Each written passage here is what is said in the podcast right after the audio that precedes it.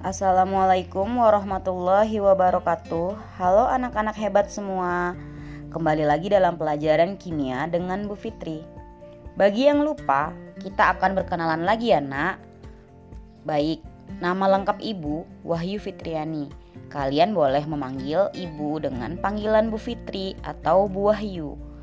Ibu mengajar mata pelajaran kimia. Salam sehat dan semangat selalu buat ananda-ananda ibu di kelas 12 Hmm, minggu lalu kita telah membahas mengenai karbohidrat. Nah, untuk podcast ibu kali ini kita akan membahas tentang protein pada teori sifat-sifat asam amino dan penggolongan asam amino. Semoga podcast ibu kali ini bisa bermanfaat buat ananda-ananda ibu semua dan juga menambah pengetahuan bagi kalian ya. Salam semangat, tetap stay tune di podcast Ibu. Seperti yang kita tahu, polimer protein itu terbentuk dari monomer-monomer berupa asam amino. Nah, ternyata asam-asam amino ini mempunyai sifat-sifat sebagai berikut. Yang pertama, asam amino itu larut dalam air, tidak larut dalam pelarut organik nonpolar seperti eter, aseton, dan kloroform. Gugus NH2 dalam struktur asam amino mengakibatkan sifat basa seperti amina dan COOH, mengakibatkan sifat asam seperti asam alkanoat. Oleh karena itu, asam amino bersifat amfoter.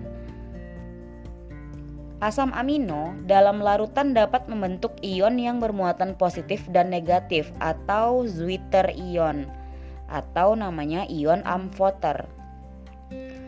Selanjutnya, gugus karboksilat dari asam amino dapat bereaksi dengan alkohol dalam suasana asam membentuk ester. Kalian tentu ingat bukan kita telah membahasnya pada turunan senyawa alkana. Nah, yang kelima, asam amino bersifat optis karena mempunyai atom C chiral, kecuali glisin karena R-nya itu adalah atom hidrogen. Yang terakhir, sifat-sifat asam amino yaitu asam amino dapat bereaksi dengan asam nitrit menghasilkan gas nitrogen atau N2. Nah, bagaimana ya dengan penggolongan asam amino? Menurut Pujiadi, asam amino itu dapat digolongkan berdasarkan pembentukannya dalam tubuh, struktur gugus alkil atau R-nya, dan sifat keasamannya. Yang pertama, penggolongan asam amino berdasarkan pembentukannya dalam tubuh. Berdasarkan pembentukannya dalam tubuh, asam amino dibagi menjadi dua, yaitu asam amino yang tidak dapat disintesis dalam tubuh atau asam amino esensial dan asam amino yang dapat disintesis dalam tubuh atau asam amino non esensial. Nah, contoh dari asam amino esensial adalah treonin, fenilalanin, triptofan, metionin, histidin, arginin, lisin, leusin, valin, dan isoleusin. Asam amino non esensial contohnya ada glisin, alanin, serin, tirosin, asam aspartat, asam glutamat, sistein, prolin, glutamin, dan asparagin. Untuk strukturnya kalian bisa baca di buku ataupun sumber belajar yang lain ya. Nah, yang kedua, penggolongan asam amino berdasarkan struktur gugus alkil atau gugus R-nya. Yang pertama, ada asam amino dengan gugus R alifatik atau berupa hidrogen. Yang kedua, asam amino dengan gugus R yang mengandung gugus hidroksil. Yang ketiga, asam amino dengan gugus R mengandung gugus fenil.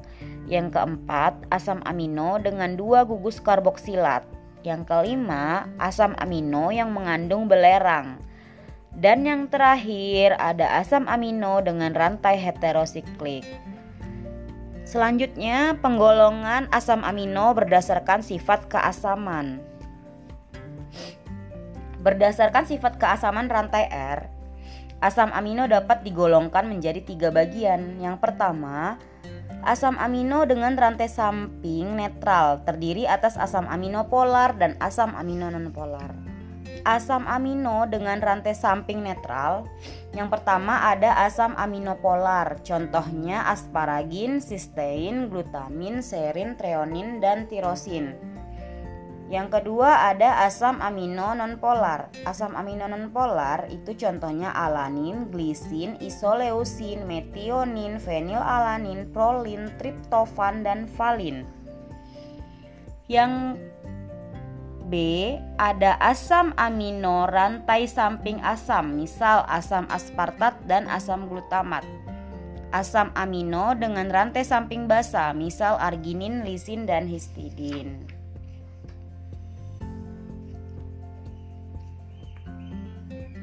Nah, kemudian kita bisa mengidentifikasi protein dengan cara yang pertama reaksi biuret.